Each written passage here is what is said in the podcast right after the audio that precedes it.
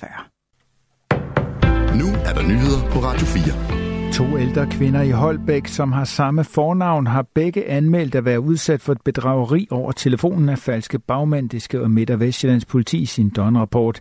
Det bestyrker mistanken om, at gerningsmændene til de udspekulerede bedragerier bevidst udser sig ofre med navne, der er populære hos de ældre generationer, lyder det fra politikredsen. Den første anmeldelse handlede om et formodet bedrageri mod en 82-årig kvinde.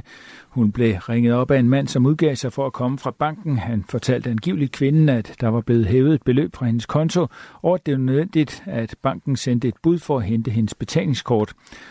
Senere fik en 70-årig kvinde et lignende opkald ifølge døgnrapporten, men her fik hun at vide, at der var foretaget et køb hos Elgiganten, og at banken derfor både havde spadet kvindens og hendes mands kort. Banken ville derfor sende et bud for at hente kort og pindkoder, så man kunne forhindre yderligere kriminalitet, skrev politiet. Det pågældende bud fik ikke kun parets kort. Han fik ifølge politiet også overtalt parret til at flytte de penge, som de havde på andre konti over på den konto, som var tilknyttet det pågældende betalingskort. Midt- og Vestjyllands politi opfordrer til, at man taler med sine ældre familiemedlemmer og andre, som kan blive ofre for bedrageri.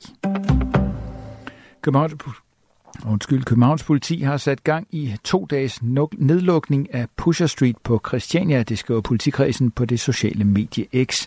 Boderne blev ryddet klokken 9, og vi vil resten af dagen og hele dagen i morgen være synligt til stede i både Pusher Street og i resten af den skærpede strafzone på og omkring Christiania, skriver politiet.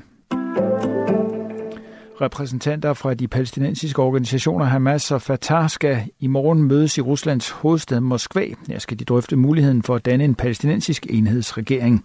Det oplyser den palæstinensiske ambassadør i Rusland, Abdel Hafiz Noval. Ifølge det russiske nyhedsbureau RIA på mødet der er også genopbygning af Gaza på dagsordenen. Hamas, der både er et parti og en militant bevægelse, har regeringsmagten i Gaza, mens Fatah leder det palæstinensiske selvstyre på Vestbreden. Ruslands viceudenrigsminister bekræfter over for RIA, at mødet er planlagt. Rusland har diplomatiske forbindelser med Hamas.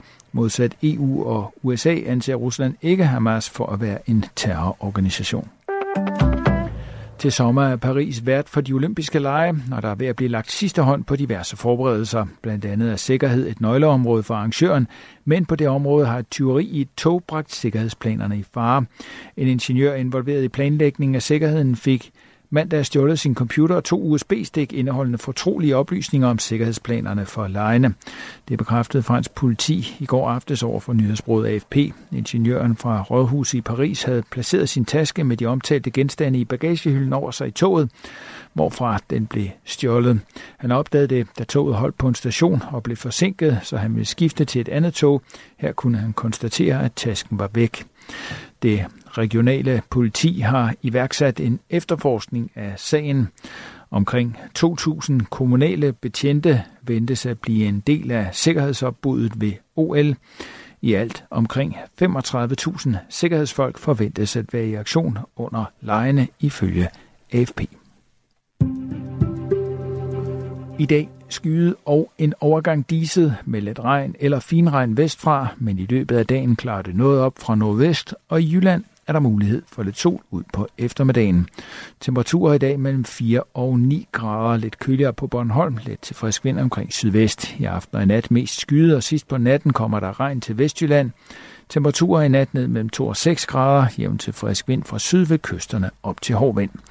Det var nyhederne på Radio 4. De blev læst og redigeret af Thomas Sand. Du kan finde flere nyheder på vores hjemmeside radio4.dk eller i vores app.